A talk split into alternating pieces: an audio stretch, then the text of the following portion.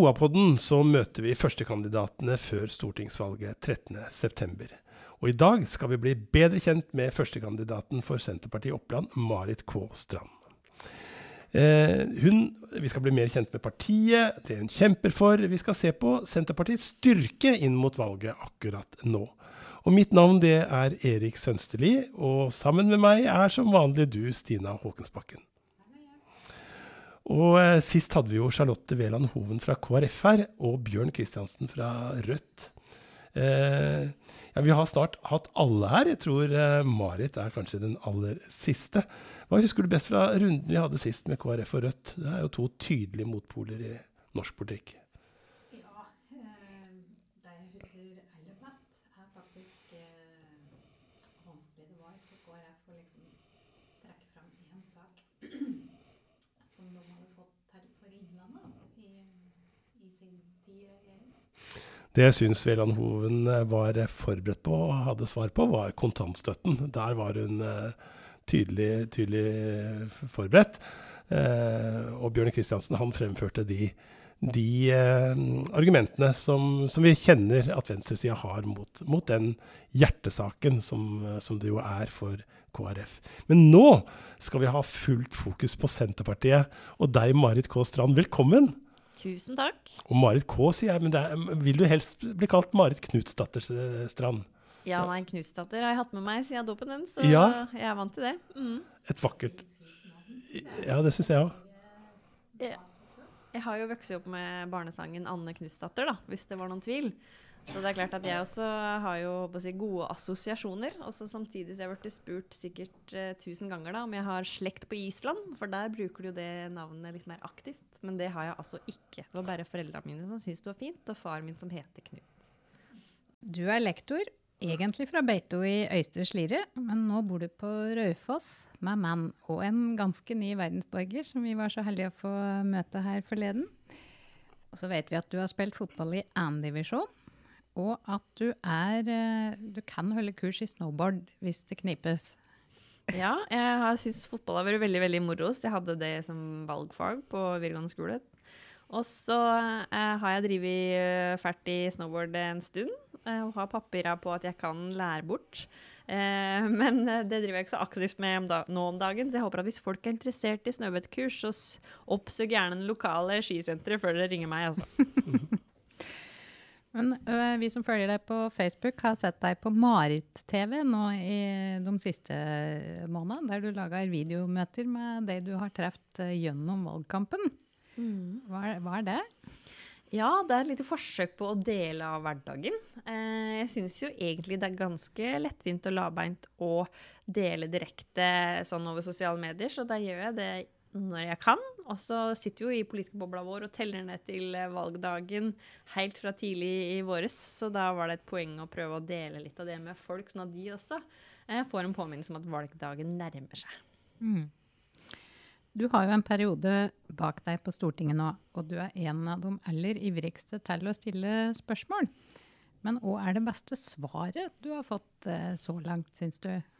Ja, det spørsmålet har jeg aldri fått før. Eh, så det var litt eh, Der tok du meg på senga, rett og slett. Eh, men jeg må jo innrømme at de svarene som er gode, er jo når jeg opplever at jeg faktisk får svar på spørsmålet. Og litt for ofte så får jeg ikke svar.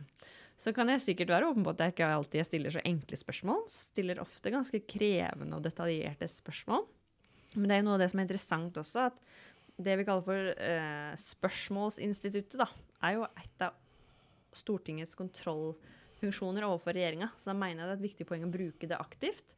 Og eh, hente ut litt informasjon når vi opplever at det ikke blir holdt godt nok underretta i det daglige på hva regjeringa egentlig driver med.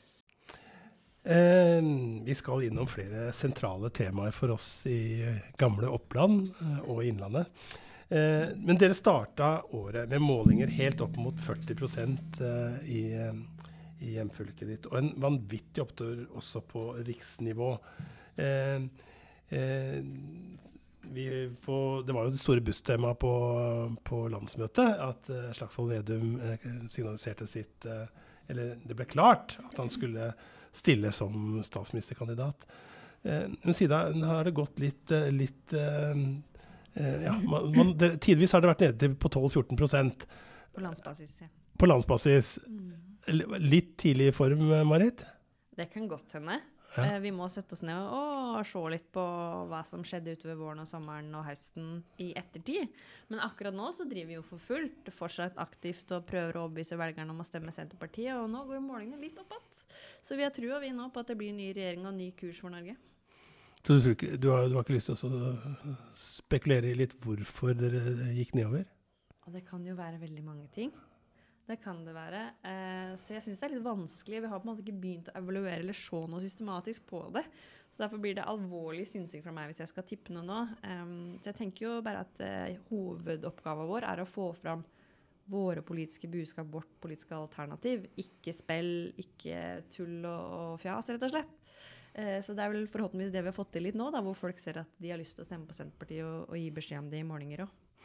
Er det bevisst at det har vært mye mer fokus enn på distrikt i det siste? Ja, jeg tenker det er viktig, for det er kanskje der vi har vært tydeligste motpol til dagens regjering. Det er der vi har opplevd at dagens regjering har utfordra mest med reformer som har sentralisert, enten det er nå sist ut da med domstolene, eller det er politiet, eller det er eh, regionene og kommunene. Eh, og nå vet vi også at Høyre varsler at dette vil fortsette hvis de får fortsette. Så da vet vi at eh, det er viktig for oss å minne folk på det, og så si hva alternativet er. Mm. Jeg har lyst til å spørre, hva tenkte dere da dere fikk disse målingene opp på 38 liksom? Ja, vi kløyp oss i armen og tenkte dette kan vi ikke dvele ved. Eh, fordi eh, det var jo eh, ja, himmelhøyt og, og utrolig, utrolig moro og motiverende. Men samtidig så var det jo ikke, vi kunne ikke ha det som noen hvilepute, for det er jo valgdagen som avgjør. Eh, og det er der velgerne til sjuende og sist sier sitt òg, som avgjør ja, fordeling av plasser i Stortinget og politikken og retninga vi gjør. Så slik sett så, så prøvde vi faktisk å ikke tenke for mye over det. Eh, for da tror jeg vi hadde håper å si, mista fotfestet. Du, eh, litt fylke og infrastruktur, hadde jeg der sagt. Eh, eh, så vidt jeg vet, så mener dere at det allerede er bevist at det er dyrere å fortsette som Innlandet enn å ta hele runden med en oppløsning av regionen. Hvordan, hvordan begrunner du det? Det ser vi egentlig i sak etter sak. At det kommer forslag på kutt etter kutt i ulike tjenester. Enten det er helsesykepleierne, som vi har hatt en ålreit ordning for i Oppland, som Hedmark ikke har hatt tilsvarende, eller det nå er bestillingsrutene for busser som blir borte. Eh, eller det er rett og slett bygging av vei i, eh, i fylket.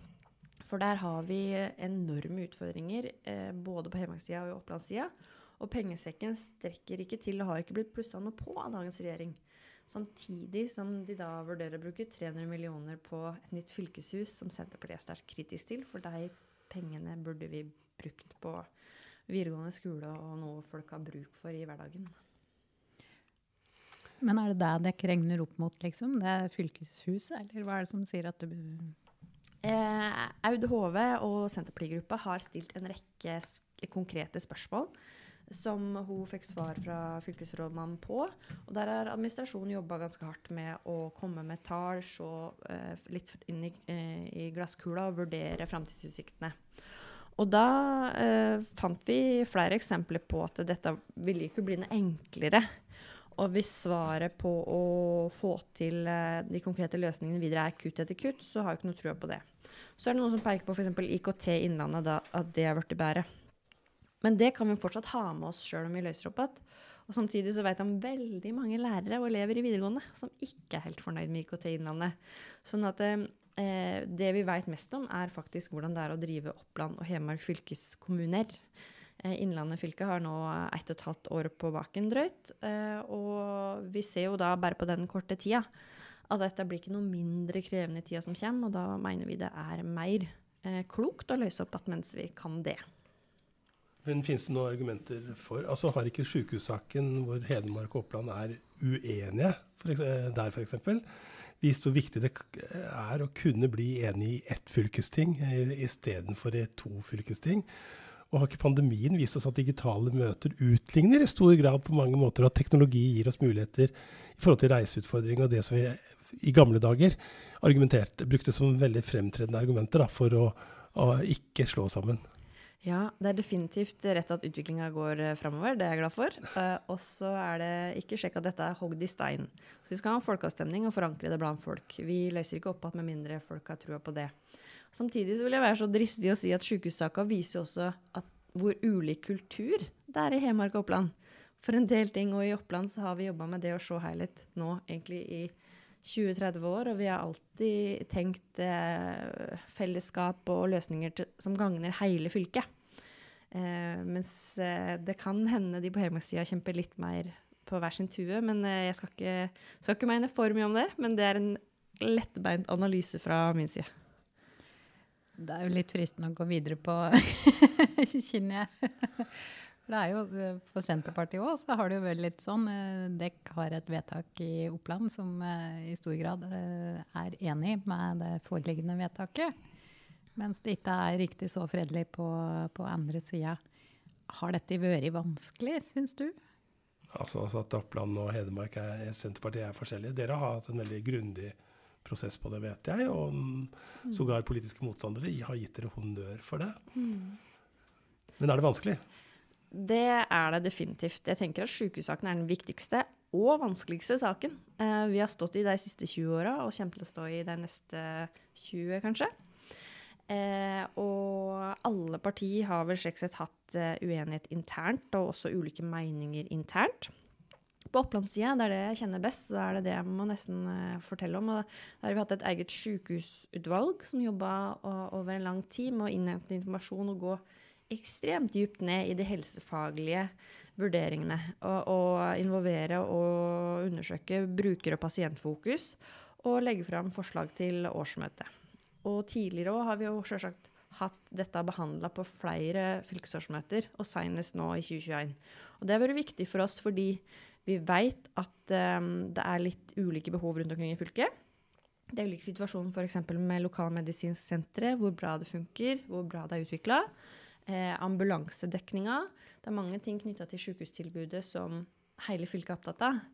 Og da har det vært viktig for oss å eh, politisk vurdere det og se hva vi kan få til. Og da vi landa ned på at hovedsykehus er rett, samtidig som vi ser at de lokale medisinske funksjonene og det som går på eh, prehospitale tjenester, ambulanse og alt en kan få ut i kommunene, eh, det må det bli satsa videre på. Mm. Men så sier jo partilederen og, og topp... Eh, hva skal en si? Statsministerkandidaten. statsrådkandidaten, kanskje? Ja, hun Toppe. Ja. Altså både statsministerkandidaten og en mulig helseråds... Ja. Han er mer konkret, da. Han, mm. han sier Elverum må, må, videreutvikles, ikke bare bestå. Og, og han ser veldig gjerne et, et, nytt sykehus på Hamar også. Mm. Uh, mens dere tenker prehospitale tjenester og litt sånn større og mer Det er vanskeligere å få tak i, da, kanskje sånn uh, kommunikasjonsmessig. Ja. Um, det jeg også lyst til å legge til her, er at vi har jo en rimelig kaotisk prosess. Fordi det starta med ett hovedsykehus. Og så har det vært måte Kongsvinger-fredag, så var det Tynset-fredag. Og så skulle det være to eh, sykehus i tillegg til nytt hovedsykehus. Slik at hele kabalen med hvilke sykehus, hvilke funksjoner, har jo vært krevende egentlig å henge med på. Eh, og det siste vedtaket i Oppland også sier at vi ønsker akuttfunksjoner på Lillehammer og elektivt på Gjøvik. Eh, og vi ønsker også styrking av ambulansen med at det må være bedre ambulansedekning og flere ambulanser ute. Og vi ønsker også å lovfeste responstida på ambulansene. Og det vil jo opplendingene merke, og ikke minst de som jobber i ambulansetjenesten. For der er jo tillitsvalgte varsla om ekstreme arbeidsforhold, hvor de må ha bakvakt etter 12 og, 24 mm. timer på vakt, og, og, kanskje må stå opp til en alarm på noen som føder og må ha gale på vinterføre nedover hele Gudbrandsdalen. Eh, etter at de allerede har hatt timevis på vakt. Så vi har konkrete tiltak eh, som Senterpartiet vil løfte nasjonalt, og som Oppland eh, støtter helhjertet. Og er kjempeglad for at Senterpartiet fronter i Stortinget. Og vi jobber aktivt for både Bengt og jeg i Stortinget de siste fire åra. Så eh, vi er ett parti og har eh, felles verdigrunnlag. Og så er dette med hovedsykehus en diskusjon som eh, lever. Det er jo litt sånn eh, når de sier sånn, og vi vet at dette blir en, eh, i Stortinget, så, så, er det jo litt at folk blir litt nervøse, kanskje. Mm. Og så ser vi jo at Vedum sier at Han har sagt flere ganger at null pluss må utredes. Eh, Men jeg, jeg skjønner ikke helt hvorfor de på Hedmarken er så bekymret for at det ikke blir utredet. Nei, det er lovpålagt. lovpålagt. Det er lovpålagt og det ligger i prosessen fra ja. før av. Er det, det, det som på er det sånn er billig poeng en prøver å score der, eller? Det kan ikke jeg eh, kommentere, men det, som- det er lovpålagt. Det skulle vært gjort før. Det er det som kanskje er litt problemet nå. Ja. Vi opplever at vi har landa, og så skal vi utrede.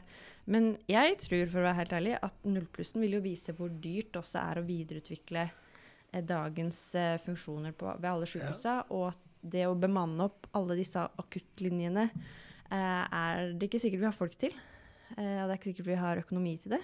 Og framskrivingene på antall folk og, og sammensatte lidelser på den aldrende befolkninga er jo også innmari krevende Mm. um, og tøff å ta inn over seg. Så slik sett så, så tror jeg nok nullplussen bare vil styrke kunnskapsgrunnlaget vårt, og på en måte også styrke arbeidet for hovedsykehus.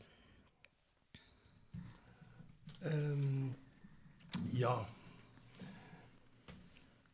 Hvordan skal vi få flere gjennom skolen i Norge, Marit Strand? Da er vi over på oppvekst og utdanning. Og da er vi på hjemmebane for meg, da, vet Ja. du. Eh, vi må gjøre skolen mer praktisk og aktiv, gi lærere mer tillit, og redusere omfanget av testing og kartlegging i skolen. Eh, og så må vi satse på nærskoler og, og gi en styrka kommuneøkonomi, slik at de faktisk får rekruttert flere lærere, eh, ha mer lærertetthet og, og flere fagpersoner inn i skolen som kan støtte opp om elever som har eh, ulike utfordringer og kanskje trenger ulike folk for å se mulighetene sine. Og så eh, gir det i sum en skole som i større grad kan være fleksibel og møte framtida. Vi får noen nye læreplaner, men vi har ikke gjort noe med vurderingsformen i skolen. Eh, det blir ikke gitt nok midler til eh, lærebøker og, og digitale læremidler, slik at det, det er en, eh, håper å si, en arv å ta over etter Høyre her, som Senterpartiet eh, ikke tar lett på, men som vi mener eh, det nå er eh, håper å si, viser hvor viktig det er med et skifte. Slik at elevene får både det de har krav på, eh, og får realisert mulighetene sine. Senterpartiet går jo eh, foran i, i, å, eh, i, i det å eh, opprettholde eh, grendeskoler, da, liksom, ikke sant? Eh, men hvordan skal kommunene altså selv om, selv om det er sentralisering, og selv om det man bekjemper den sånn som Senterpartiet står i bresjen for, så er det jo en, altså det er en trend som er over hele kloden. Eh, så gjelder det også å forvalte mulighetene som også ligger der. Da. Men, men hvordan skal kommunene bruke penger de ikke har, til å opprettholde grendeskoler til barnetall som de vet da pga. denne sentraliseringskraften bare går ned? Ja, vi skal ikke opprettholde skoler for å opprettholde den. Eh, Det må jo være en sum av vurderinger. Men det vi ser nå, er jo at det altfor ofte blir lagt ned skoler sjøl om det er elever, sjøl om det er lærere som søker seg dit, og det er et godt faglig grunnlag og godt læringsmiljø. Og det må vi ha en slutt på. Eh, det var nå Under Arendalsuka så reiste jeg ut i Tromøya, besøkte en skole med eh, var det 200 elever drøyt, 1 til 7, som var nedleggingstrua. Sjøl om det da var Det er jo en halvtime inn til Arna sentrum, som er storby. Men lell, ute på den øya bodde det jo 6000 mennesker og var god rekruttering. Og lærerne trivdes godt, elevene trivdes godt, og det var jo et unikt miljø, da. Så de så jo veldig mørkt på å eventuelt måtte pendle inn til Arendal by, hvor det er et helt annet miljø, og ikke det nærmiljøet med uteområder og slik på samme måten. Så det er ett eksempel, eller det nyeste eksempelet jeg har på at eh, skolenedlegging også skjer sjøl om det faglige og elevenes læring og trivsel tilsier at skolen bør bestå. Men hvordan skal de få kommunene til å prioritere eh, skoler eller grendeskoler eh, om de får mer penger uten at de er øremerka? Men det er jo det som er artig nå. Senterpartiet foreslår øremerking. Helt nytt eh, forslag fra oss, eh, der vi mener at det skal gå inn en grunnfinansiering til eh, grunnskoler rundt omkring i hele landet på eh, 500 000. Og det er jo da en ny post med penger, rett og slett, på kommunebudsjettet. Så det er jo den største øremerkinga og målrettinga du kan ha for å kunne bevare nærskoler. Det er flere partier som er opptatt av det, men det er ingen som egentlig har gått så konkret til verks som akkurat det. I sum innebærer det en omprioritering på 1% ca. av eh, det som blir overført eh, til kommunene. Så det er ikke den mest den største omveltninga, men samtidig er det en veldig sterk prioritering av det å drifte en skole og opprettholde en skole. Så det mener jeg er et godt tiltak som eh, forhåpentligvis vil ha effekt. Og så er det jo kommunene og de folkevalgte lokalt som står til ansvar for det lokale skoletilbudet, og slik skal det fortsatt være. Mm. Ja, nå er han eh, Bormann i gang igjen. Jeg vet ikke om lytterne hører det, men uh, OA har kommet inn i et nytt uh, bygg som vi er veldig stolte og veldig glad i. Og, uh, og så blir det flott rundt oss òg, men vi er midt i byggeperiodene. Jeg vet ikke hvor mye lytterne hører til det. Men vi merker det iallfall veldig godt her i studio. Vi prøver iallfall videre. Jeg, jeg tenkte litt på dette med sentralisering og den, eh, den, eh, trenden som de vil motvirke. Men eh, vi, mm, vi sliter jo litt med demografien i, i Oppland her, Innlandet særlig. Først ut der. Men hvordan skal vi få flere til å flytte tilbake og, og bli attraktive hvis det ikke finnes gode sentrum alle steder? Jeg tror vi må ha en kombinasjon. Ja.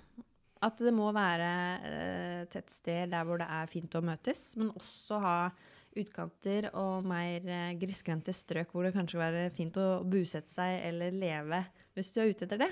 Og kombinasjonen, si, eller utfordringa nå, er jo at du Det er ikke sikkert du får lov til å bygge deg hus hvis det ikke er innenfor et regulert boligområde. Det er ikke sikkert du får eh, breiband og mobildekning. Altså det er en del grunnleggende ting du må ha for å kunne bo og drive, som ikke er tilrettelagt alle steder. Og det vil Senterpartiet gjøre noe med. Vi går til valg på breiband og høyhastighetsinternett til alle i hele landet. Og vi mener at eh, kommunene må få større handlefrihet i å utvikle og tilrettelegge for boligbygging. Eh, konkret i Gjøvik så har vi jo sett at her er det jo boligfelt hvor Statens vegvesen vil sette ned foten fordi adkomst til vei Eh, er en begrensa faktor, og at det ikke er kollektiv- eller sykkelvei tilrettelagt. Men dette er jo ting man også kan tilrettelegge eh, underveis mens boligfeltet blir utvikla. Sånn at vi kan ikke gjøre det så firkanta at du ikke får utvikla nye arealer eller nye deler av kommunen som kan være attraktive for nye innbyggere. Bare fordi det i dag ikke er tilrettelagt. Eh, så det er et eksempel på at byråkratiet setter en stopper for noe lokaldemokratiet og folk da, ønsker seg, som kan tiltrekke seg nye innbyggere. Noe helt annet. Eh, vi har sett i VGs valgautomat, at, eh, nei, automat, jeg, valgomat, at du er helt uenig i at vi skal slutte å straffe folk som blir tatt med et mindre kvantum narkotika til eget bruk. Hvorfor svarer du det? Nei, Senterpartiet har nå gått inn for at uh, vi skal uh, avkriminalisere tunge rusmisbrukere som en måte er mer innafor sykdoms- og helsekategorien, og ikke voldskriminalitet. Mm. Um, men samtidig så mener jeg at det er uhyre viktig at politiet faktisk har mulighet til å sanksjonere og gripe inn overfor deg som driver med narkotika og rusmidler som tross alt er forbudt i Norge. Og jeg er mm, på sett og vis mer bekymra for veien inn i rusavhengighet, mm. og de som eh, kanskje står i en livssituasjon hvor de kan være utsatt for dette. Mm. Og eh, det kan være tilfeldigheter som gjør om man ramler innafor eller utafor eh, tunge rusmiljø, og, og, eller kanskje kommer seg en helt annen plass i livet. Og da mener jeg det er viktig at det, det faktisk får en konsekvens. Mm. Ja, eh, skal vi klima. gå på klima? Ja. ja. Hvis vi finner et nytt eh, stort olje- eller gassfelt nå, skal vi la det ligge av hensyn til klima? Jeg personlig syns nok at uh, vi må roe ned oljeletinga og, og, være mer restriktive i utvinning av nye oljefelt. Og så er det slik at uh, i Stortinget så er jo flertallet å ønske per dags dato at vi skal fortsette å utvide oljeletinga.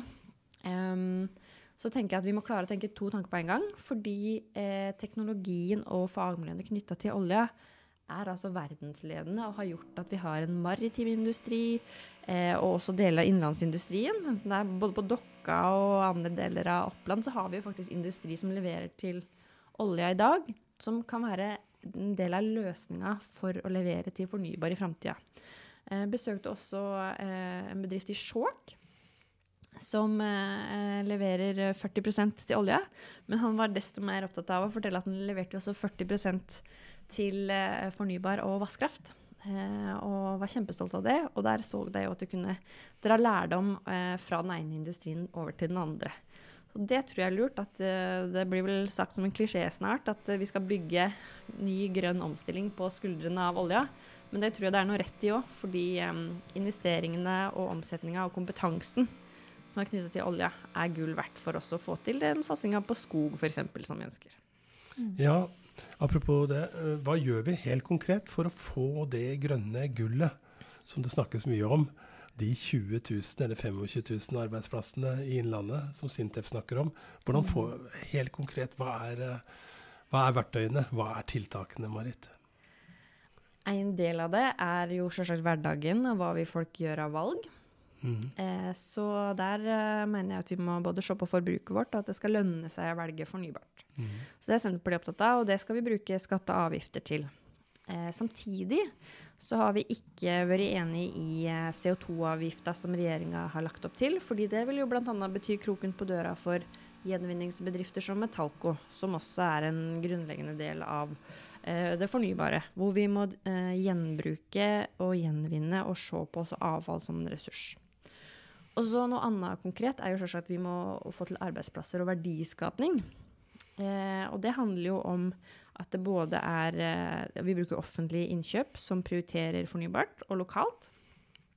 Og at vi eh, får til satsing innenfor eh, industrien. Hunton f.eks., som skulle bygge det nye anlegget sitt her på Gjøvik, var jo veldig skuffa over eh, hvor mye støtte de kunne få fra Innovasjon Norge. Så her har jo Senterpartiet sagt at eh, vi vil ha et eget grønt investeringsfond som skal gå inn med mer midler, sånn at det blir mindre risiko knytta til dette.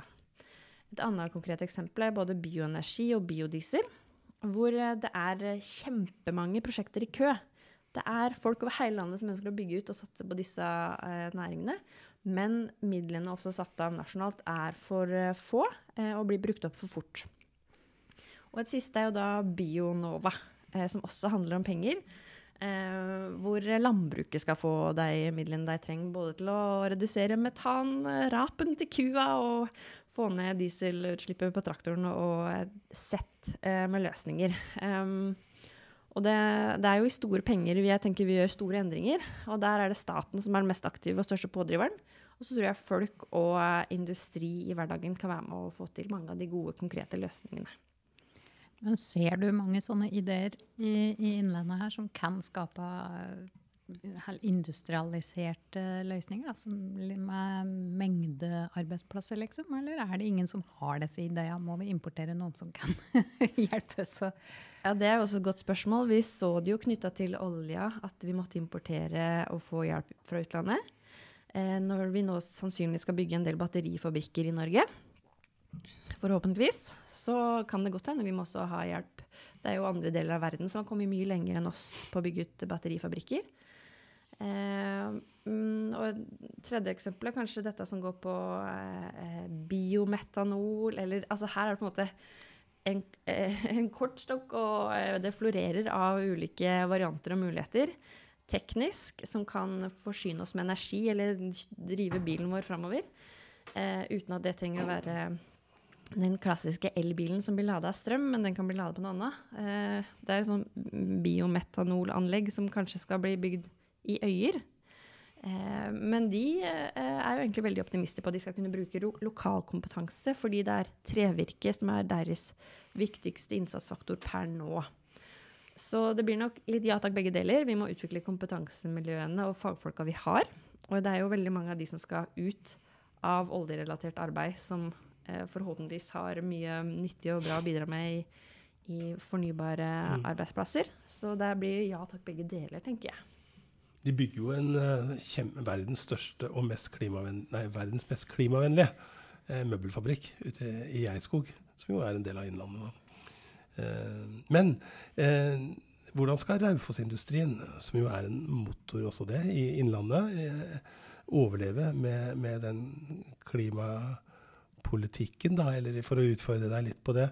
Dere vil jo si opp EØS-avtalen. Den er jo viktig for mange i det eksportretta eh, eh, industrien vår.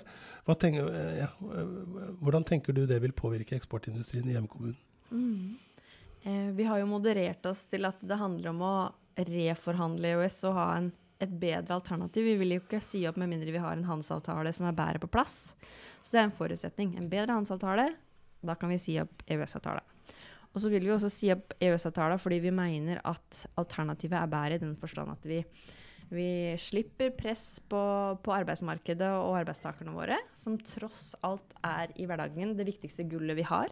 Mm. Det er eh, arbeidskraft og skatteinntekter som driver eh, velferdsstaten eh, rundt. Og det er jo de som også gjør at f.eks. Raufoss-industrien lykkes så godt, fordi de har de skarpe, gode hodene som kan dele på tvers av industrier og gi knoppskyting og utvikling som er uh, gull verdt, og også er grunnen til at det ligger der det gjør i dag. Uh, for det er ikke noe ellers sånne veldig naturgitte fortrinn uh, som gjør at det havna der så tror jeg at eh, klima er jo også en del av det som vil gjøre at Raufoss-industrien vil klare seg. Mm. Lettmaterialer, aluminium, kompositt. Vi har kompetanser der som er verdensledende, som Senterpartiet vil gjøre vårt for å satse videre på. Vi vil bruke også penger på å satse på industrien og gjenreise en reindustrialisering av Norge. For nå har altfor mye blitt flagga ut i altfor lang tid. Mm. Men hva er det som gjør at du tror det er lettere og bedre for Norge å forhandle om en frihandelsavtale med EU enn det det har vært for Storbritannia. da. Eh, mange mener vel at eh, Stor Storbritannia har eh, ja, blitt kasta ut et uføre, vil noen si. Eh, Iallfall har de opplevd eh, økonomiske utfordringer. da. Eh, er det lettere for oss enn det er for Boris? Det er jo et godt spørsmål. Jeg tenker at Vi må gå inn i det med det vi har. Og det er jo bl.a. at Europa er avhengig av energien vår, og de er interessert i fisken vår og, og mer av det vi eksporterer. Eh, samtidig så har jo Senterpartiet og Norge en ambisjon om å øke eksportrelatert industri med stort monn, kanskje opptil 50% og da må vi jo se eh, på sammenhengen mellom hvilke markeder er viktige for oss. Er det Europa, eller er det hele verden? Er det flere handelsavtaler eh, og andre land vi vil knytte tettere bånd med? Altså, dette er et stort bilde, så vil jeg jo si at Storbritannia har jo vist både på godt og vondt hvordan dette kan gå. Jeg tenker Mangel på arbeidskraft er jo akkurat nå det mest eh, prekære de står i. Og det er jo alvorlig når du ser tomme butikkhyller. Det er ingen som ønsker seg det. Eh, men pandemien og alt, så er det veldig, veldig mange ting som spiller inn. Og jeg vil eh, være trygg på at Norge steller seg i en bedre posisjon og med bedre forutsetninger enn sånn situasjonen er i Storbritannia akkurat nå. Hvordan skal vi sikre at Raufoss-industrien bl.a. får sine varer ut til Europa og verden fortest mulig? Vei? Eh, skal de kjøre rundt Mjøsa i så fall? Eller eh, bane? Eller hva tenker dere? Ja, for Det er jeg glad du spør om. For noe av det industrien sier sjøl når vi er og spør dem om hva de trenger framover, så er det jo forutsigbare rammevilkår. Og ikke sånne hopp og sprett-avgifter, eh, slik som bl.a. høyreregjeringa kommer med, men også dette med transport og at det faktisk blir bygd ut rv. 4, er jo noe av det Bentler har trukket fram, f.eks. Eh, som en helt avgjørende faktor for at de skal kunne si, ha eiere som vil investere og satse videre på Raufoss. Og der har jo Senterpartiet lagt penger på bordet, sagt at vi vil prioritere rv. 4. Vi hadde jo trodd det skulle bli flertall i Stortinget for å vedta det. For det var jo mange som var høye og mørke i forkant av NTP-behandlinga. Så ble det jo ikke noe konkret vedtak. Eh, men Senterpartiet har stor tro på med et nytt stortingsflertall så kommer eh, jeg håper å si, både planlegginga til å komme raskere og, og, mer i gang, og forhåpentligvis spaden i jorda om ikke altfor lenge. Her syns jeg det ligger noe under. Hadde trudd, Hva er det som gjorde at jeg hadde trodd at det skulle gå gjennom? Er det noen som mente noe annet når det kom til eh, behandlinga? Altså, eh, Senterpartiet ble utfordra på at vi skulle binde oss til masta. Mm. Men det gjorde vi ikke, for vi respekterte arbeidet vi hadde i stortingsgruppa. Eh, og ville at vi skulle rett og slett jobbe grundig og godt der og bli enige i hele stortingsgruppa, og da for hele landet. For Senterpartiet sin del. Det ble vi, og så gikk vi tydelig ut og sa vi støtter rv. 4-utbygging. Det står støtt og godt eh, i hele partiet hos oss, og vi hadde midler. Eh, men i OA så var det mange som var mye eh, hardere ute på avtrekkeren og tidligere ute eh, enn oss, og sa håper si omtrent det samme, da. Eh, uten at de var med å støtte de forslagene vi la inn i Stortinget. Eh, og da vil jeg jo peke både på Frp og Arbeiderpartiet, for vi kunne jo danna flertall eh, hvis det hadde vært interesse for å stemme for de samme tinga. Arbeiderpartiet ønska ikke å stemme for forslag av prinsipp, for de sa de ikke stemmer for forslag under NTP-behandling, tror jeg omtrent. og er sitat uh, ganske ordrett. Uh, og Frp stemte vel for kanskje rubbel og bit, men eh, de ville jo også bruke Hva var det det var? Eh, det var iallfall et uh, mye, mye høyere milliardbeløp. Si, ja, 400 milliarder, eller det var helt uh, svimlende mye mer penger mm. enn det vi ønska. Men vi hadde jo konkret kutta i Hordfast på Vestlandet og prioritert mm. uh, bl.a. rv. 4 og E16, som er kjempeviktige veier for Vestland. Jeg var på uh, Biri travbane. Der holdt Lastebileierforbundet sin tradisjonelle samferdselsdebatt med kandidater. De hadde den for to år siden og, og fire år siden, husker jeg. Men uh, der, uh, der, sa Arbeiderpartiet, uh, og fikk liksom støtte fra, fra Bengt Fasteraune, din kollega på Stortinget. Rune Støstad, han var, hvis jeg forsto det riktig, så mente de at det var muligheter til å he, liksom, rett, ja, heve fokuset på rv. 4 mm. nå. Mm. Selv om NTP havnet et annet sted, og, og rv. 4 ikke er der. Mm. Hvordan kan det skje, liksom? Eh, ja, eh, det er jo i hvert fall mulig å starte planlegging. Eh, og da er det jo om å gi enten Statens vegvesen eller Nye Veier tydelige signaler om det. Mm. Eh, og så må det jo være politisk flertall i Stortinget for det. Mm. Men det tenker jeg at en ny regjering ser ut til å kunne få. Og så spørs det hvem som er samferdselsminister. Det avgjør nok også en del av, av det til sjuende og sist. Og kanskje det blir Senterpartiet, f.eks. Og da har jo vi vært tydelige på at vi vil prioritere rv. 4. Mm. Har vi noen gode kandidater fra Innlandet til statsrådposter? Ja, Bengt Det har vi selvsagt. Bengt Fasteraune er. Ja, er jo transportpolitisk talsperson i dag, da. Ikke sant? Så er, ja. vi har et statsrådnevne ja, jeg, vil, jeg også, eh, kan jeg jo driste meg til å si at jeg også kan være en aktuell kunnskapsminister fordi jeg er utdanningspolitisk statsperson i dag. Mm -hmm. eh, men det er jo fordi vi jobber tettest på disse feltene i dag. Og så er det en kabal som skal legges. Eh, og det er jo eh, vår statsministerkandidat Trygve Slagsvold Vedum som også sitter og gjør prioriteringene. Fordi vi må ha en det geografiske kabal, vet du. Hele Norge skal være representert. Eh, og så litt på kvalifikasjoner og hvordan sammensetninga blir med andre parti. Sånn at um, her er det en kombinasjon av at vi vil være frampå og være representert og være med, samtidig som vi er ydmyke for at uh, det er uh, mange hensyn å ta. Spennende. Mm. Så du drømmer litt om en statsrådpost? Eh, altså når jeg gikk inn i politikken, så sa jeg at jeg skulle bli statsminister. Eh, jeg har jekka meg litt ned siden det, eh, og realitetsorientert meg litt. For det er jo sabla mye jobb å sitte i regjering. Jeg har kjemperespekt for deg som har sittet og vært statsråder. Sånn at eh, så for uh, tidsbruken og kapasiteten på heimebane, så drømmer jeg kanskje ikke om det. Men sånn rent politisk og egoistisk så drømmer jeg nok litt om det. Det er jo fordi jeg håper på å kunne være med og realisere en del av de tingene jeg tror på, at vi kan gjøre en forskjell, og at Oppland er representert. Det kjenner jeg og ser jeg mer og mer, hvor viktig er at vi er med og vi er på. Og det er folk fra Oppland som rett og slett sitter i de viktige posisjonene. For det gjør en forskjell. Eh, før, vi, eh, før vi, går, vi går, inn mot siste runde av den her sagt, så eh, vi har snakka litt om EU og EØS. Eh, Senterpartiet vil stanse innføringa av den fjerde energimarkedspakka. Mm. Eh, som jo egentlig heter EUs rein energipakke. Mm. Eh, det skal gi en desentralisert, fornybar kraftproduksjon bedre markedsvilkår. I Senterpartiet er dere skeptiske til dette. hvorfor? Fortell. Ja, vi har vært skeptiske til flere av de store pakkene, rett og slett fordi vi mener at uh, styringa burde være i Norge. Eh, kraftressursene våre og konsesjonen har jo en stolt historie tilbake til Johan Castberg, som også har sterke bånd uh, knytta til Gjøvik og Toten. Mm -hmm. Så her har vi en, en, arv, rett og slett, å forvalte, mener jeg, på at vi bevarer eh, naturressursene våre og kraftinntektene eh, våre, som er en kjempeverdi på norsk kontroll og norske hender så har vi vært skeptiske til ACER, bl.a. fordi at eh, der kan jo rett og slett eh, regulering og styring bli avgjort eh, enten det er i Brussel eller i hvert fall langt fra norske organ, og det tror vi ikke er klokt. Og så kan vi jo eh, også minne oss sjøl på at vi har vært mer offensive og frampå en del av disse klimaspørsmåla enn EU, faktisk. Sånn at dette med å bygge ut og satse på småkraft eh, og eh, klare å utnytte kraftressursene på best mulig måte, har vi jo vært flinke på. Og nå står vi overfor en bølge hvor vi må kanskje eh, fornye eh, kraftturbiner og en del sånne konkrete ting.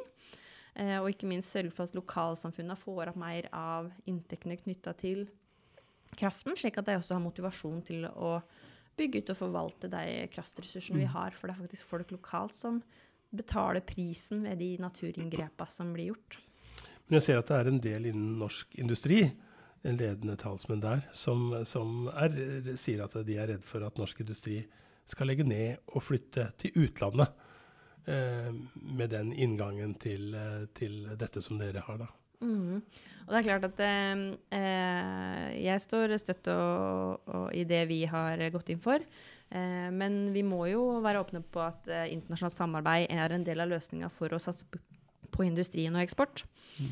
Eh, samtidig så tror jeg det er klokt at vi har kontroll og styring til sjuende og sist i Norge over det. det enten det er om disse fornybare sertifikatene, eller det er eh, at du skal kunne dokumentere hvor energien din kommer fra, og du kan dokumentere at du har fornybar energi. Det kommer til å bli et forsterka kravspekk her framover, og da tror jeg det er klokt at vi er på ballen og har kontroll i Norge, slik at vi kan faktisk komme med de økonomiske insentiva som trengs for at industrien skal kunne møte krava som kommer. Og at vi klarer å satse på fornybar energi og stor nok utbygging til at vi klarer å elektrifisere så mye som kravene eh, og forutsetningene for framtida er, rett og slett. Mm. For det må store offentlige midler til der. Er vi klare for et hopp? Eller har du flere spørsmål? Sina, ja, det er for så vidt et hopp. Jeg bare tenkte på eh, hvis um, Du prater på det er viktig for Oppland å være representert og meg, på en måte. men hvordan vil jeg som opplandsverdier merke at Senterpartiet kommer inn i regjering? Er det noe sånn mm. lokalt du kan trekke fram som, som kommer til å se? Ja, og Stine og jeg merker. Ja, ja. det håper jeg er eh, selvsagt veldig, veldig mye. Eh, og vi har eh, prøvd å lage oss en liste som uh, vi har sendt til uh, bl.a. OA for om dere ville trykke opp. da, Det ville dere ikke, men uh, vi har i hvert fall sendt den som lesebrev nå, så jeg regner han ligger i kø.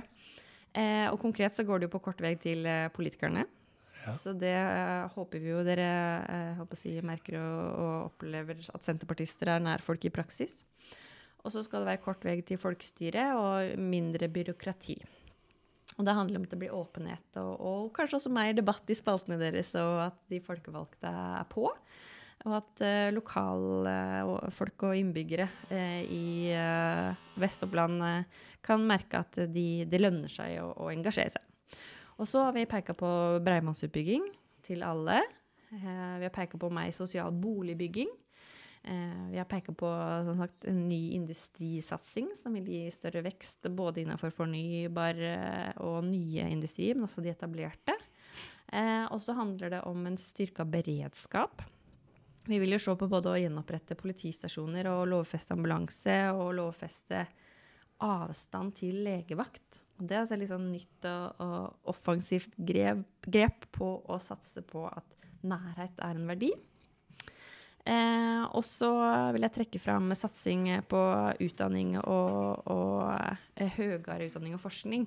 Fordi der ser vi at både Fagskolen i Innlandet, NTNU Gjøvik og Høgskolen i Innlandet er helt avgjørende for at vi skal møte framtida. Da håper jeg enten vi får til medisinutdanning, helt konkret eh, knytta til NTNU i Gjøvik, eh, eller mer eh, satsing på fagskolen, så tenker jeg det også vil gjøre at eh, Vest-Oppland vil merke at det blir nærhet til høyere utdanning. Flere kan ta høyere utdanning.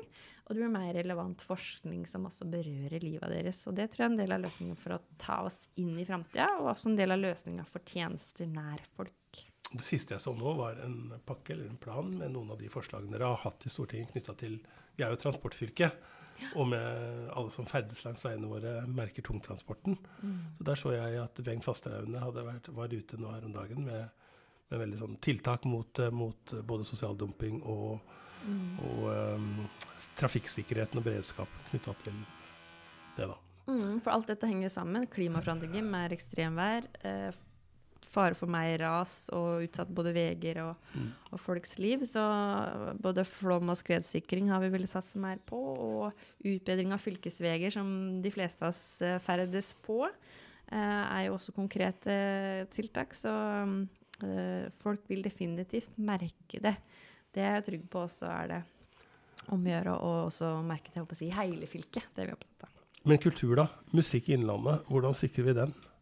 Vil man støtte en musikkfestival i Gjøvik som en del av Musikklandet? Hvordan kan vi best sørge for at all den flotte musikken som fins i hele fylket, ikke minst i ditt kjære Valdres, Mm. eh, hvordan, hvordan sikrer vi best det? Eh, Jeg tror det, kort, ja, det korte svaret er nok eh, å satse på at fylkene faktisk får økonomiske muskler til å prioritere det. Og så går vi jo til valg på at vi vil satse på kultur nær folk. For nå har vi brukt midler både på Opera og Munch-museum i Oslo. Så nå må vi bruke de store penga på hele landet. Jeg vil også trekke fram eh, Frikar som er et konkret eksempel. Eh, og det som eh, flere ting knytta til eh, kultur, enten det er Per Gynt eller det er rett og slett en Hemsing. Ja, Hemsinge og, og den lokale kulturskolen. Fordi eh, de økonomiske rammene har vært for trange fram til nå, mener vi. Og likevel har vi fått til for så vidt veldig mye bra og spennende. Eh, så eh, nå må vi jo satse og bygge videre, slik at eh, de sterke kulturmiljøene vi har i Oppland, ikke drives med små marginer, men kan drives i litt større monn og, og ja, engasjere og treffe enda flere. Ja, da er vi vel ved det spørsmålet. Du og jeg er veldig uenige om OL, Stina. Du vil ikke ha OL. Jeg vil ha OL. Jeg, vil, eh, jeg mener at det er superviktig for eh, nå, er, nå, nå, skriver, nå er vi på kommentatorområdet, hører jeg. Men, uh, men det er noe med det, hva det betyr for liksom både kulturen og, og helse. Og, det er masse rundt det. Kan, så kan man kanskje argumentere mot. Med, Kanskje. Tyng, tyngde, sånn som Stina gjør. Ja, jeg gir deg det. Men Senterpartiet, jeg, liksom, Senterpartiet Dere er litt enige med meg. Dere vil ha OL tilbake til regionen. Vi er jo en suksessregion for OL. Ja, altså OL har jo satt varige spor hos oss, og viser jo hvor eh, lenge ettervirkningene av OL betyr noe. Vi er fortsatt en sånn så stol, stolt kulturattraksjon og reiselivsattraksjon pga. OL. Eh, så nå må vi fornye det, og Senterpartiet hadde jo en stor diskusjon på landsmøtet om dette. Og de kritiske røstene og kritikk mot IOC og mye ble løfta, så jeg forstår Stinas skepsis i aller høyeste grad. Men premissene for Senterpartiet var jo også da å kunne eh, legge inn krav om åpenhet, eh, pressefrihet, inkludering, mangfold. Alle slike ting vi forbinder med et moderne samfunn, men som dessverre en del av autoritære samfunn undertrykker når de arrangerer OL. Det vil jo vi aldri finne oss i. Og så har også Senterpartiet sagt at det er både gjenbruks-OL og et ta hele landet i bruk-OL, som er vårt eh, forslag til OL, hvor da våre stolte anlegg, som også fortsatt i dag er eh, ja, i aller høyeste grad eh, eh, av betydning, men som kanskje trenger litt opprustning for å være i, i moderne OL-standard, som vi da vil kunne prioritere å satse på hvis vi sender inn en søknad og også får tilslag og, og kan bruke de store penga på idrettsanlegg i hele landet. Ja, Stina? Ja da, ja da, jeg, hører. Skal vi stoppe der, eller har, jeg, har du et spørsmål på tampen før vi- runder av? lyst til å spørre Det blir jo litt sånn De tenker på å reversere fylkesreformen, eh, politireformen. Det blir litt sånn reversering. Eh, Hva sier du til dem som eh, av og til sier at Senterpartiet syns alt var bedre før? Det var veldig mye som var bedre før. Men eh, det handler ikke om å gå, gå å si, baklengs inn i fuglekassa eller å gå tilbake i tid. Det handler om å ta lærdom av de gode tinga vi hadde før, og så utvikle det inn i framtida. Det er der vi er så utrolig uenige med dagens regjering. For de har på en måte eh, lagt fram løsningene, vist oss hvordan fylkesinndelingene og kommuneinndelingene skal være, før vi håper å si, har funnet ut av det sjøl. Eller før vi har kommet opp med svara på hva slags oppgaver og tjenester som blir bedre. Vi hadde jo kjempestore forventninger til at nå skulle fylkene få større ansvar etter at de var slått sammen. Det uteblei. Så da er jo spørsmålet heller hva kan vi få til på å satse videre på det Oppland vi hadde som var så bra, eh, og hadde en del forutsetninger som vi mener ikke har blitt noe bedre inn i det nye fylket. Og det er det som også er en viktig anerkjennelse at eh, OK, nå har det skjedd endring, men ble det egentlig bedre? Og hvis det ikke ble det, da må vi også kunne stikke fingeren i jorda og ta oss råd til å gå et steg tilbake og tenke om igjen. Eh, også dette med både fylkesoppløsning og kommuneoppløsning og opprette nye lensmannskontor. Altså, her må vi gjøre det hvis vi tror at det er det riktige, ikke fordi vi mener at det må skje. Og det er også en veldig, eh, jeg håper å si, et annerledes premiss enn det Høyre har lagt inn. I Danmark nå så satser de jo veldig offensivt på desentralisering. Har satt tak på hvor mange studenter som kan studere i de største byene. Jeg vil heller opprette flere studiemiljøer rundt omkring i landet. De har sagt de vil gjenopprette flere eh, lensmannskontor og satse mer på distriktene. Og dette er jo Danmark som er på størrelse med Innlandet. sant? Sånn at eh, i et internasjonalt perspektiv så må vi også huske på at nærhet er en verdi man politisk må prioritere. Da må vi se på de politiske løsningene, og da frykter Senterpartiet bare at over tid så vil Innlandet bety mer sentralisering til Hamar, og så vil også fra Hamar mer bli sentralisert til Oslo. Og da taper vi og taper vi. I stedet så må vi bygge sterke miljøer i Oppland og satse på Oppland. Da er vi ved veis ende. Eh, Marit eh, Knutsdatter Strand, tusen takk til deg for at du ville komme hit til OA-podden. Og eh, takk til deg som hørte på. Og så eh, Møtene med våre førstekandidater, det, det finner du på Spotify, eh, Stina. Ja, Eller på å søke opp OA-podden og, og, og gå inn på oa.no, som jo selvsagt er det aller beste, syns vi. ja. Jeg tror kanskje du må søke opp Oppland Arbeiderblad faktisk på Spotify. Det ble noe eh, krøll der, Det ble jeg. noe krøll der. Ja. Ok. Men, eh, men sammen med vår valgomat, sammen med disse samtalene, og disse samtalene her, så håper vi at vi har, liksom, har gitt leserne våre og lytterne våre eh, litt med på veien til, til det viktige valget som, som er. Og så skal vi jo ha den store debattkvelden vår i Fjellhaven 10. september. Det er jo bare noen dager igjen, Mhm. Stina. Blir vi ferdig? Ja visst blir vi ferdig. Ja, vi blir alltid det på en eller annen måte.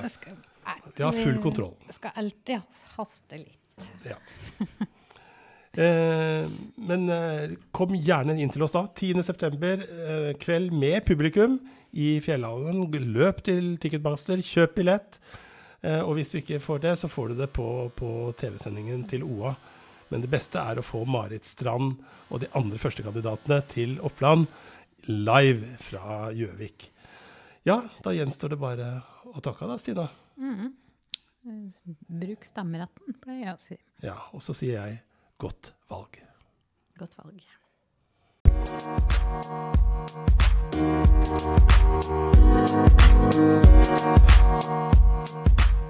Thank